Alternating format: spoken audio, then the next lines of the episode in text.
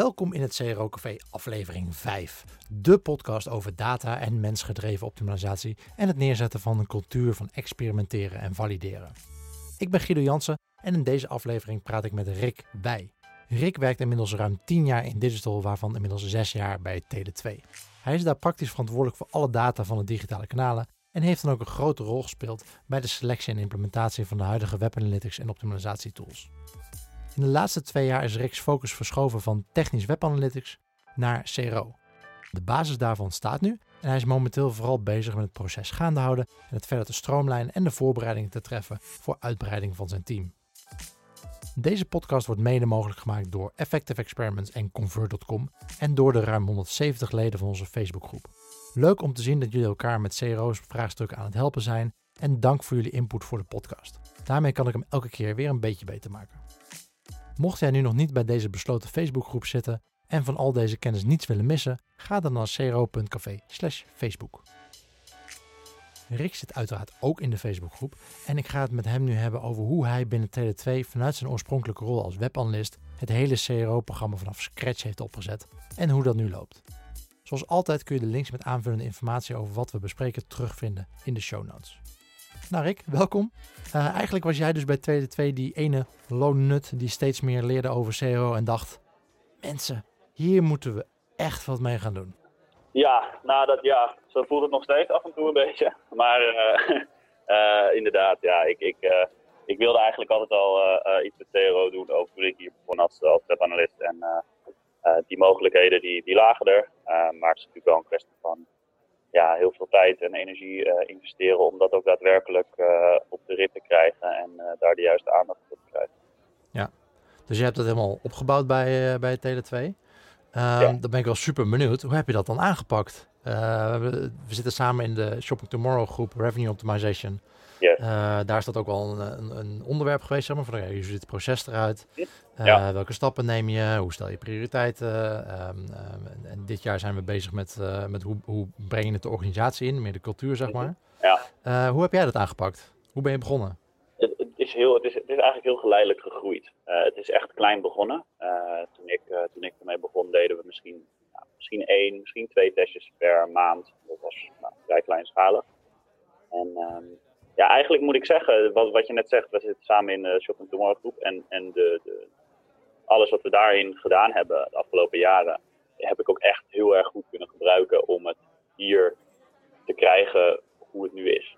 Uh, dus, dus, dus inderdaad, het proces wat we daarin uh, in kaart gebracht hebben, uh, heb ik eigenlijk best wel goed toe kunnen passen hier. En dat is wel gebleken dat dat wel gewoon echt een hele goede methodiek is geweest. Um, het is uiteindelijk, natuurlijk, het is een kwestie van heel veel.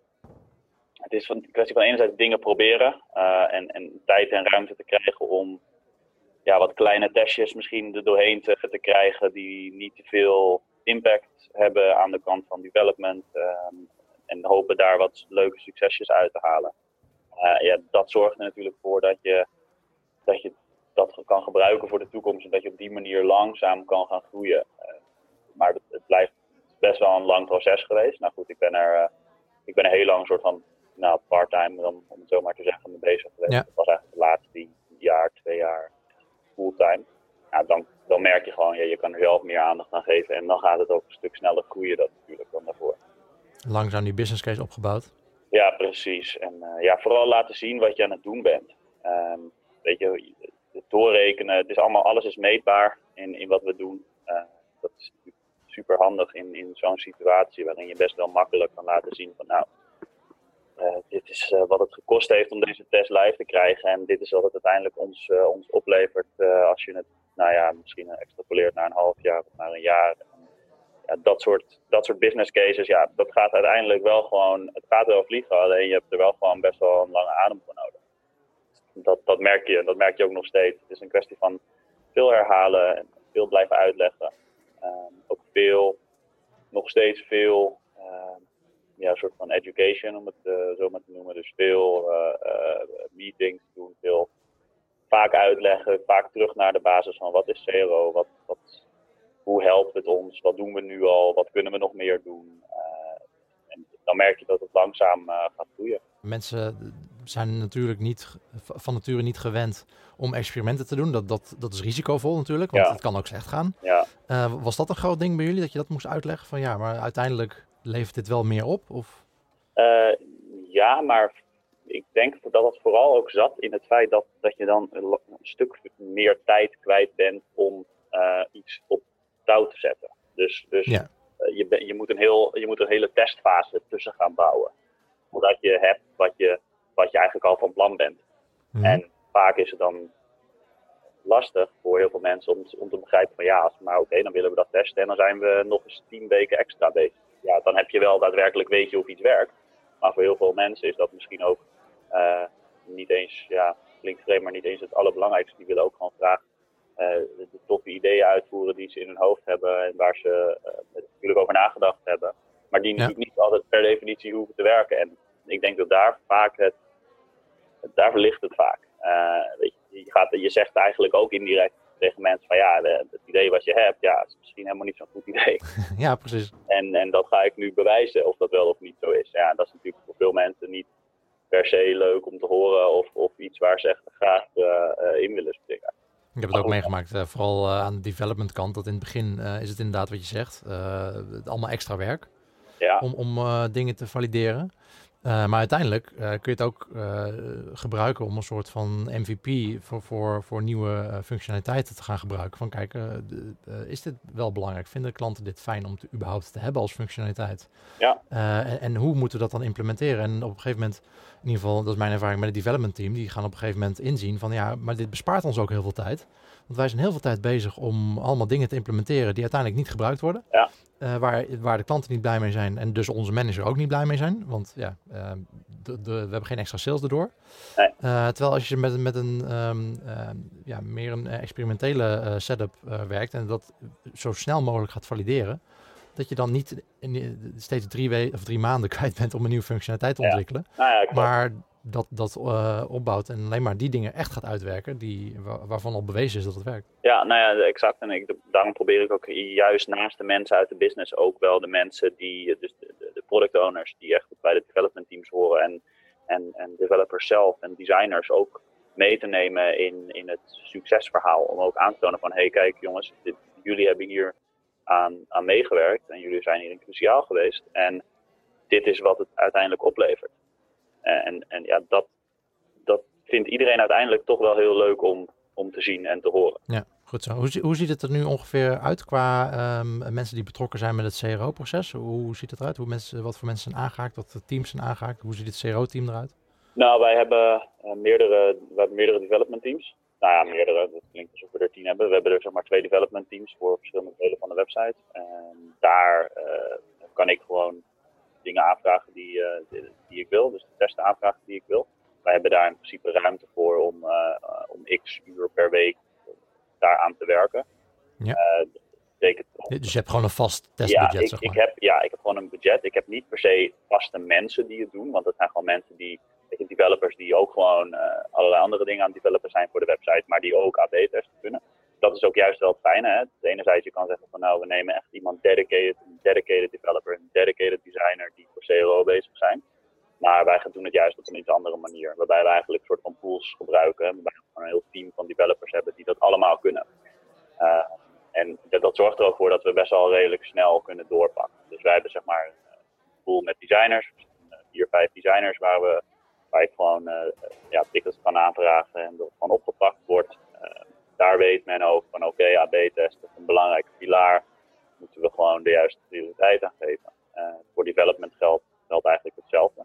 Ja goed, vooral ja, development is altijd natuurlijk nog wel het lastige, want daar, nou goed, daar hebben we het ook in de, in de expertgroep veel over. Van, ja, hoe zorg je er nou voor dat andere uh, projecten die er lopen en andere ontwikkelingen niet in de weg gaan staan? Ja, weet je, het is niet alsof dingen niks opleveren natuurlijk. Maar hoe ga je zorgen dat dat geen uh, conflict met elkaar oplevert? Nou ja, dat blijft altijd natuurlijk een uitdaging. Goed. Je wil voorkomen dat je continu onderaan de backlog staat natuurlijk. Ja, precies. En, en ja, goed, ook dat is wel gewoon goed te counteren door, door gewoon continu te blijven hameren op wat het oplevert. Uh, ja, ik ben ervan overtuigd, kijk, weet je, de meeste bedrijven die, ja, die willen gewoon vooral extra sales draaien en daarmee extra omzet. En als jij gewoon heel goed kan aantonen dat je dat doet, dan zou je volgens logica moeten zeggen dat je op een gegeven moment een keer heel op je backlog komt te staan. Uh, ja. en, en als, zolang dat niet lukt, dan is mijn beleving dat je dus gewoon nog beter dat verhaal moet vertellen. Ja, en als, als het goed is, op een, op een gegeven moment, uh, maar dat, dat moment moet je natuurlijk toewerken. Maar op een gegeven moment kom je wel op het punt dat jij als, uh, als CRO-team uh, een van de beste teams bent die echt concreet kan zeggen, dit gaat het opleveren als we dit implementeren. Ja, en dat, ja exact. En dat, is, dat, dat zie ik nu ook al. En dat zorgt er ook voor dat, dat de product owners van de development teams ook heel snel zeggen van ja, ik heb tien dingen, maar jouw business case is... Veel sterker ja, compleet. En, en eh, ja, sterker, dus we gaan hier gewoon mee, mee vooruit. Ja, dat is natuurlijk uiteindelijk wat je graag, eh, wat je graag wilt zien. Wat ik vaak zie, dat zie jij volgens mij ook, dat CRO los wordt gezien van, uh, van Analytics. Ja. Um, maar de, de, samenwerking met Analytics, de, de, de is super belangrijk. Vooral om die, uh, nou ja, natuurlijk de analyse van je test. Um, ja. Maar, maar ook om, om gewoon technisch die basis goed op orde te krijgen. zoveel nou, dat is, ja, dat is cruciaal. Mensen die aan het testen zijn en dan uh, ja, of niet, niet goed, goed meten, verkeerde dingen meten. Ja, de, de, de, als, je, als je web analytics niet, niet gewoon heel goed op orde is, dan is het volgens mij een stuk moeilijker om je CRO-traject uh, goed te laten gaan. Ja. Uh, simpelweg, je hebt, je hebt alles, alles gebaseerd op data. Testen is nou eenmaal is data. En als je dat niet goed kan doen en het niet goed in kaart kan brengen, ja, dan heb je sowieso al een groot probleem. Dan kan je best wel dingen testen. Gaat niet werken. Het is echt uh, het, is, het, is, dodelijk voor je, voor je CRO uh, uh, ja, verhaal, zeg maar. Als elke keer het antwoord is van ja, maar we vertrouwen de data niet. Ja, nou ja, dat, dat heb ik, die heb ik ook wel eens om mijn oren gekregen. Van ja, maar klopt dit nou echt wel? Ja, ik, ik heb juist heel veel tijd besteed hier om te zorgen dat we dat we eigenlijk alles meten wat we kunnen meten. Ook al gebruiken we het niet eens op dat moment. Maar dan hebben we in ieder geval data. En als we dan een keer nodig hebben, dan kunnen we wat teruggrijpen daarna.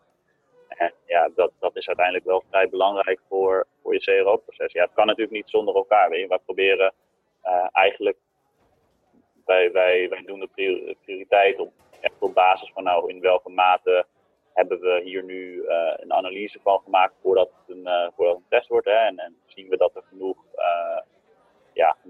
op zit, zien we dat het, dat het een interessant idee is op basis van de data die we zien. En dan daarin is het analyse deel is gewoon cruciaal. We kunnen niet, we kunnen niet zomaar dingen verzinnen en dat dan uh, gaan testen. Dat is uiteindelijk natuurlijk niet het proces wat we volgen. En het proces is, wel echt heilig voor, uh, voor ons hier. Convert is het bedrijf achter Convert Experiments, de knippervrije AB-testing tool met enterprise-level security die standaard volledig voldoet aan de GDPR-wetgeving. Daarnaast is Convert een goed voorbeeld van maatschappelijk verantwoord ondernemen. De organisatie is maar liefst 100 keer CO2-positief en Convert doneert elk jaar 10.000 dollar aan goede doelen. Om te zien hoe Convert ook voor jou het verschil kan maken, ga je naar convert.com/features.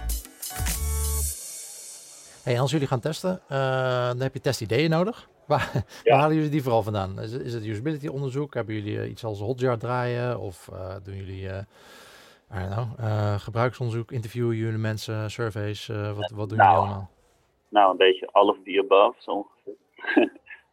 ja, goed, we, hebben, we doen veel, um, best wel redelijk wat usability testen. Ehm, proberen daar vooral in, in, op hoog niveau zeg maar, te begrijpen waar mensen nu precies, uh, wat, wat ze nu precies willen. Uh, waar, ze natuurlijk, waar ze naar op zoek zijn en, en of, ze, moeite hebben op de website. We doen heel veel user surveys, dus met, met Usabilla zijn wat leuke campagnes aan draaien om gewoon interesse te peilen en om, ja, om hele specifieke vragen te stellen over specifieke functionaliteiten op bepaalde pagina's of dergelijke. Um, er komen natuurlijk ook heel veel ideeën binnen, gewoon binnen de organisatie. Uh, van, zeker als het meer gaat leven, dan kom je ook weer in een situatie dat je een soort van uh, luxe probleem krijgt. Namelijk dat je uh, heel veel mensen, heel veel ideeën naar je toe gaan pushen.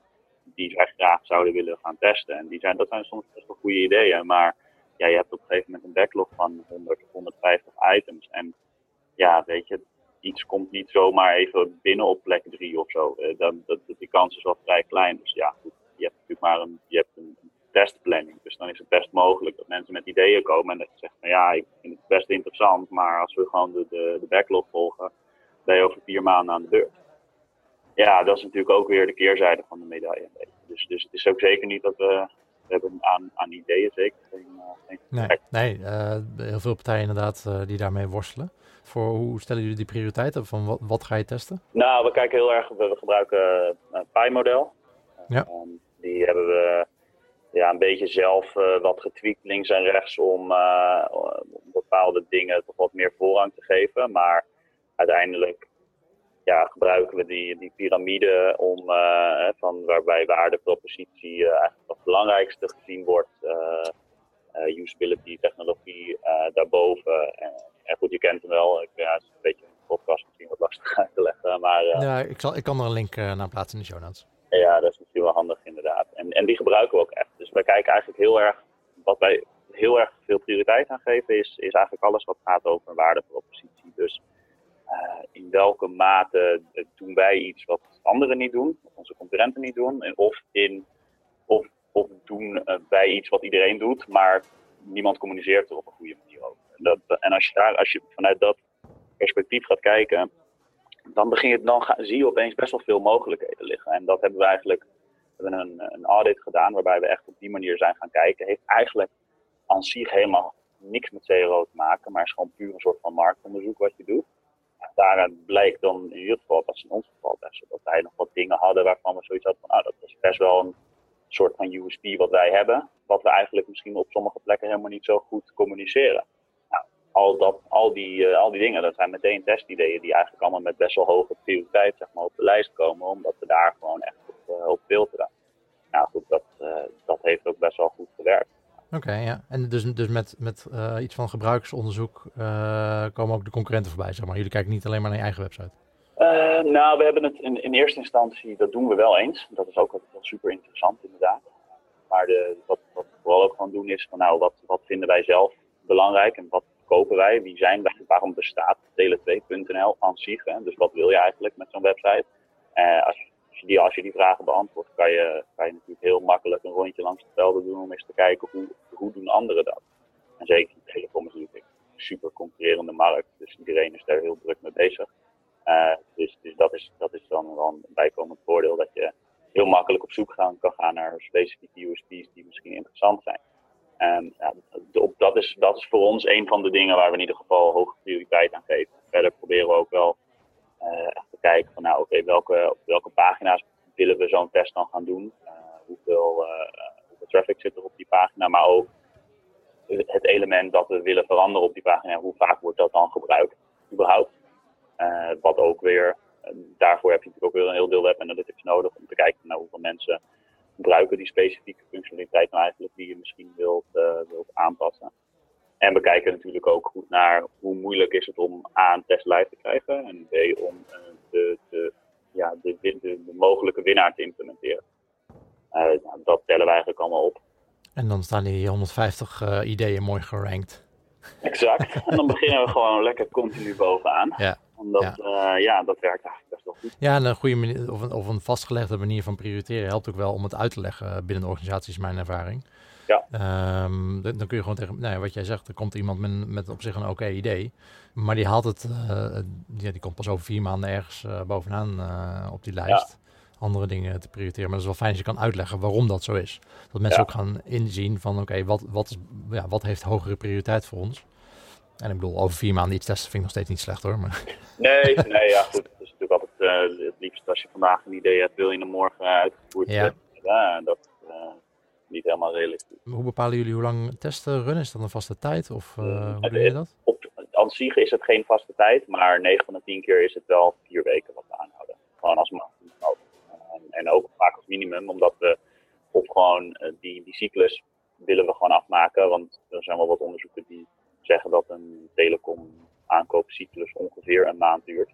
Uh, dan proberen we dat een beetje die een beetje te volgen. Minimaal één business cycle testen, ja. Dat is wel de intentie inderdaad, ja. En dat is dus vier weken in ons geval. En dat doen we dan ook als maximale testperiode. Ja, dus dat, dat moet je nog een keer bovenop die vier maanden gaan tellen natuurlijk. Dus dan ja, voor, voor medewerkers. Dat is, dat is een uh, worsteling die ik uh, bij veel bedrijven terugzie hoor. Ja, ik, uh, dat het gewoon lang duurt. Van ja, het is wel leuk dat je, dat je ideeën verzamelt uit je organisatie. Maar het gaat, duurt echt maanden voordat je daar een keertje feedback op kan geven. Voordat er echt wat mee gebeurt. Ja, nou, dat is, dat is, ook, dat is ook een belangrijke mindset die, die, die erin moet sluipen. Dat CRO niet een soort van quick fix is, maar dat het een continu proces is. En dat, ja, dat je misschien inderdaad een idee dat je, dat je vandaag hebt pas over vier maanden aan de beurt is. Maar ja, dat idee van vier maanden geleden, dat is wel vandaag aan de beurt. Weet je, zo moet je er natuurlijk ook een beetje naar kijken. Wil jij ook een cultuur van experimenteren en klantgedreven beslissingen opzetten in jouw bedrijf? Dit is niet iets wat vanzelf gebeurt. Het begint met het neerzetten van een betrouwbaar proces waarmee je experimenten in de gaten kan houden, kennis kan delen en waarmee je iedereen binnen je bedrijf op de hoogte kan houden van de voortgang en de resultaten. Effective Experiments is het CRO-succesplatform waarin je al je gebruikersonderzoek, experimenten en rapporten kan vastleggen op één centrale plek. Start vandaag nog met het bouwen aan jouw optimalisatiecultuur met Effective Experiments. Een demo aanvragen doe je via www.effectiveexperiments.com. Je bent dit nu al jaren aan het doen bij uh, TD2. Eerst als uh, webanalyst en uh, nu echt als CRO-specialist. Toen je begon zei je van nou, dat is iets van twee testen per maand. Waar zitten jullie nu ongeveer op? Wat is de, de pace die jullie hebben? Weer vijf à zes testjes per maand te doen. Oké, okay. nice. Ja, kijk, we hebben een aantal... Um, we, hebben, we, hebben natuurlijk een bepaalde limiet die we kunnen hebben. wij, hebben niet, wij hebben een beperkt aantal producten. weet je, wij verkopen niet honderdduizenden verschillende productsoorten of zo. We hebben telefoon, sim-only abonnementen, uh, uh, internet, tv-abonnementen. En, en ja, dan ben je er wel. Zeg maar. Dus je hebt ook maar een bepaalde mate van testen die je naast elkaar kan bereiden. En daar zit nog wel wat rek in, maar wij, wij focussen ons gewoon op de belangrijkste dingen. En dan zit ongeveer vijf à zes per maand. Soms wat meer, soms wat minder. Hangt natuurlijk ook heel erg af van wat voor testen het is. Soms heb je weer een idee wat eigenlijk best wel een goed idee is, wat misschien niet eens helemaal bovenaan de lijst staat, maar als het letterlijk 10 minuten werk is om online te zetten en we hebben nog ergens een gaatje in de planning, ja, dan gooien we hem er natuurlijk gewoon, uh, gewoon lekker tussen. Nou ja, 60, 70 testen per jaar, daar kun je een hoop learnings uit halen. Ja, dat uh, exact. Nou, we proberen, het, uh, proberen dat gewoon vol te houden en we merken gewoon, ja, we proberen natuurlijk ook wel, de, weet je, uiteindelijk wil je wel gewoon, het gaat niet om het aantal of zo. Het gaat niet, ja, ik doe liever als ik, als ik tien testen doe waarvan er acht succesvol zijn met een mega hoge uh, value, dan zou ik dat liever doen dan dat ik er uh, 50 doe waarvan er maar vijf succesvol zijn, puur vanuit het feit dat ik veel meer tijd heb uit Zeker, maar je moet natuurlijk wel een minimum pace proberen te, te behalen. zeker als je een succesratio hebt. Um, nou, ik weet niet wat die, wat die bij jullie is, of die kan zeggen. Ja, dat is ongeveer 20% daar proberen we ook wel op. Ja, precies. Nou, 20%. Dus als je, als je dan um, uh, één test per maand doet, ja, dan, dan heb je misschien twee of drie uh, succesvolle testen per jaar. Daar ga je niet, je business case niet meer rondmaken, nee. zeg maar. Nee, dus, dat, dus je moet wel op een bepaalde pace geraken. Ja. Uh, wil je echt zowel die learnings bijhalen. Dus het gaat, niet, alleen, het gaat uiteraard niet om het absolute aantal. maar je moet wel een bepaald volume hebben. Nou, dat merk je ook wel. Dat, um, kijk, het is de ene maand doe, je, doe je inderdaad 60% van je testen gewoon succesvol een andere maand. Ook gewoon voor de motivatie van je team, zeg maar. Ja, precies. Ja, ja. ja exact. Als je elke keer uh, drie maanden bezig bent met één test ontwikkelen, dan, nee, ja, dat, uh, dan, dan zou ik andere testen gaan, wat makkelijkere testen gaan Precies, nou dat is ook misschien wel het grote verschil met hoe we het, hoe we het voorheen deden. Hoor. Het, het duurde voorheen gewoon inderdaad een stuk langer om dingen live te krijgen. Uh, omdat er gewoon veel meer partijen tussen zaten. En we proberen veel, proberen veel te doen in, in, de, in de editor zelf van de, van de AB-test tool. Ja. Ja, en dat is natuurlijk ook iets dat je in, je, in het uh, PI-model uh, kan aanpassen. Van hoe, hoeveel development capaciteit heb je? Ja. Dus hoe groot kunnen die testen zijn, zeg maar. Ja. ja en als je beperkte capaciteit hebt, ja, dan, dan komen de zware testen gewoon wat lager op de lijst te staan. Um, ik ben wel benieuwd, als jullie een AB-test hebben gedaan, dat is dan nou, succesvol of niet. Hoe gaan jullie om met die, met die learnings? En hoe lang duurt het gemiddeld dan voordat zo'n succesvolle test is doorgevoerd? Kunnen redelijk snel, nadat een test is afgerond, wel in ieder geval op de belangrijkste metrics zien of het een succes is of niet. Um, wat ik vaak doe is, ik, die draai ik eigenlijk gewoon meteen uit op het moment, tijdens de test dan even te zien wat er, uh, wat er aan de hand is. En na de test uh, kijken wat uiteindelijk de resultaten zijn. Mocht het nou een positieve zijn, dan zet ik eigenlijk, dus het eerste wat ik doe is hem gewoon op, op de backlog bij het development sector, om hem gewoon echt volledig te implementeren in de website. Uh, die krijgen dan ook eigenlijk altijd de hoogste prioriteit mee. Dat, dus die gaan dan ook boven testen die we bijvoorbeeld nog op de backlog hebben staan, die eigenlijk gedaan zouden worden. Dan zeg ik ook altijd, oké, okay, ja, dat is leuk, maar dit is een, een, winner, dus die gaan we sowieso gewoon met de hoogste Oké, okay, goed zo. Ja. Uh, nou goed, we zitten gewoon in de in sprints, dus dat gaat natuurlijk altijd wel een aantal weken overheen. Ja. maar op die manier probeer ik wel zo snel mogelijk dat in ieder geval, die winners zo snel mogelijk er doorheen te krijgen. Soms duurt het nog steeds wel wat lang, maar... Maar die worden in ieder geval wel bovenaan de backlog Absoluut, gezet. Dus dat is ja, zeker. Cool. Ja. En, en de learnings, hoe gaan jullie daarmee om? Eh, ook tests die dus geen succes eh, zijn, daar leer je eh, hopelijk ook Ja, van. zeker. Hoe, hoe gaan jullie daarmee om? Hoe krijg je dat de organisatie in en hoe behoud je die kennis? Nou, wat ik eigenlijk doe is, ik, ik, de analyses die ik doe, ongeacht of een test nou succesvol is of niet, ik, ik deel die gewoon met een, met een groter team. Mhm. In ieder geval mijn eigen team, dus, digital team en, en een aantal mensen daarbuiten. Gewoon puur eh, van joh, eh, even een, transparant, ook al is het succes of niet, ik eh, deel gewoon wat eruit komt. En dat doe ik standaard. Ik probeer regelmatig sessies te, te, te doen waarbij we, waarbij we gewoon een aantal learnings, bijvoorbeeld één keer in de maand of twee, één keer in twee maanden, op gewoon een stapeltje van tests die we dan gedaan hebben.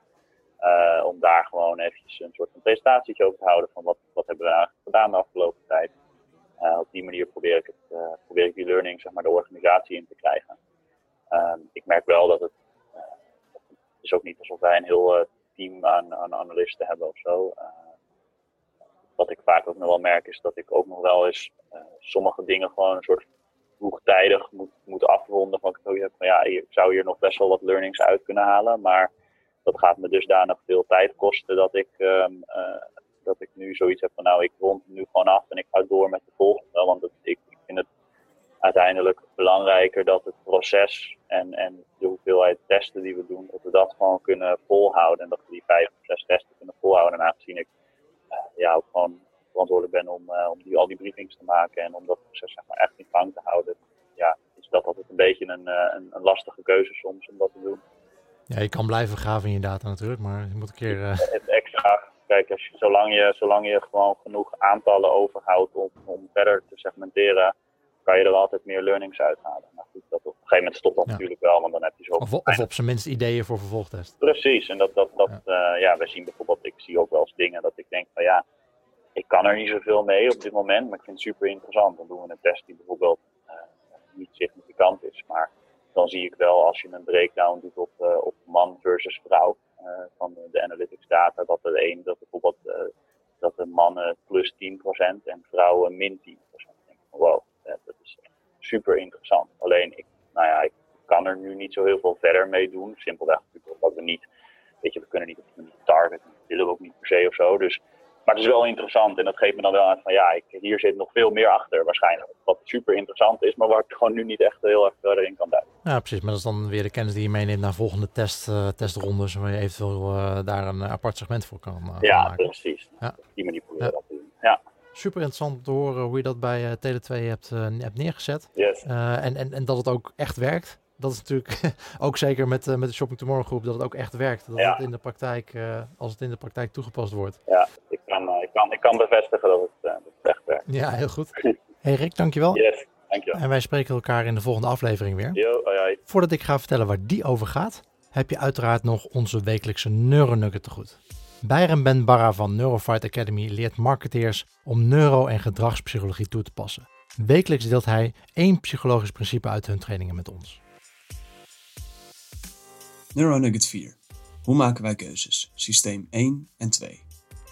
Onze beslissingen bepalen onze toekomst. Voor een lange tijd was de status quo dat wij mensen rationeel keuzes nemen. Op het eerste oog lijkt het ook zo, en de moderne westerse wereld is deels gebouwd op deze assumptie. En toch weten jij en ik allebei dat we vaak irrationeel handelen en onlogische beslissingen maken. Vandaag zoeken we uit waarom. In CRO is het belangrijk om te begrijpen hoe wij besluiten nemen. Hoe kiezen we het juiste product voor ons? Wegen we alle voor- en nadelen af? Nee. Zoeken we alternatieven? Soms. Of gaan we simpelweg voor de mooiste productafbeelding? Vaker dan we willen toegeven. Je hebt vast gehoord dat we 95% van onze keuzes onbewust maken. Na vandaag kan jij uitleggen waarom. En voordat we verder gaan wil ik je nog aan één ding herinneren. Ons brein is erg lui. We zijn altijd bezig met energie besparen en besluitvorming werkt niet anders. En om eens inzicht te geven in hoe wij de beslissingen maken, duiken we in de theorie van 's werelds meest bekende besluitvormingsexpert, de Israëlische psycholoog Daniel Kahneman. In zijn Nobelprijswinnende boek Thinking Fast and Slow staat één concept centraal: systeem 1 en 2. Het beschrijft de twee verschillende systemen die ons brein gebruikt om beslissingen te nemen. Dit is een van de meest waardevolle inzichten voor iedere CRO-expert of toegepaste neuromarketeer. Het helpt je om gedrag te verklaren en sturen. Systeem 1 is het snelle onbewuste systeem. Het werkt automatisch en maakt de meeste beslissingen voor ons. Je kan dit zien als onze intuïtie die altijd actief is. Systeem 2 is het tegenovergestelde. Een traag en rationeel systeem dat wij bewust moeten aansturen. Hierbij nemen we alle zintuigelijke informatie in ons op en proberen een rationele, bewuste keuze te maken op basis van de kennis die we hebben. Systeem 1 wordt gebruikt voor simpele alledaagse beslissingen en systeem 2 voor complexe situaties. Als systeem 2 een mobiel is, zou systeem 1 een supercomputer zijn. Of nog een beter feitje. Omgerekend in bits is de verwerkingssnelheid van systeem 2, ons bewuste systeem, ongeveer 40 bit per seconde. En die van systeem 1? 11 miljoen bit per seconde. Dat is 275.000 keer zo snel. Dit verklaart hopelijk waarom systeem 1 meestal aan het sturen is. Zo'n 95% van de tijd. We maken dus lang niet al onze keuzes rationeel. Je hebt vaak al besloten voordat je denkt dat je een beslissing hebt gemaakt en alle beschikbare informatie is verwerkt. Daarna rationaliseren we razendsnel onze keuzes met feiten en logische redenen. Denk bij volgende aankoop eens na over welk systeem er bij jou aan het stuur staat. Zou er een verschil zijn bij het kopen van een emotioneel product, zoals sieraden, en een rationeel product, zoals een verzekering? Wanneer het besluit wordt genomen om daadwerkelijk te klikken of te kopen, staat de emotionele invloed, systeem 1, boven de cognitieve rationele invloed, systeem 2. Nog één laatste ding. De snelheid van systeem 1 heeft ook een valkuil. We zijn vatbaarder voor denkfouten of in het Engels cognitive biases.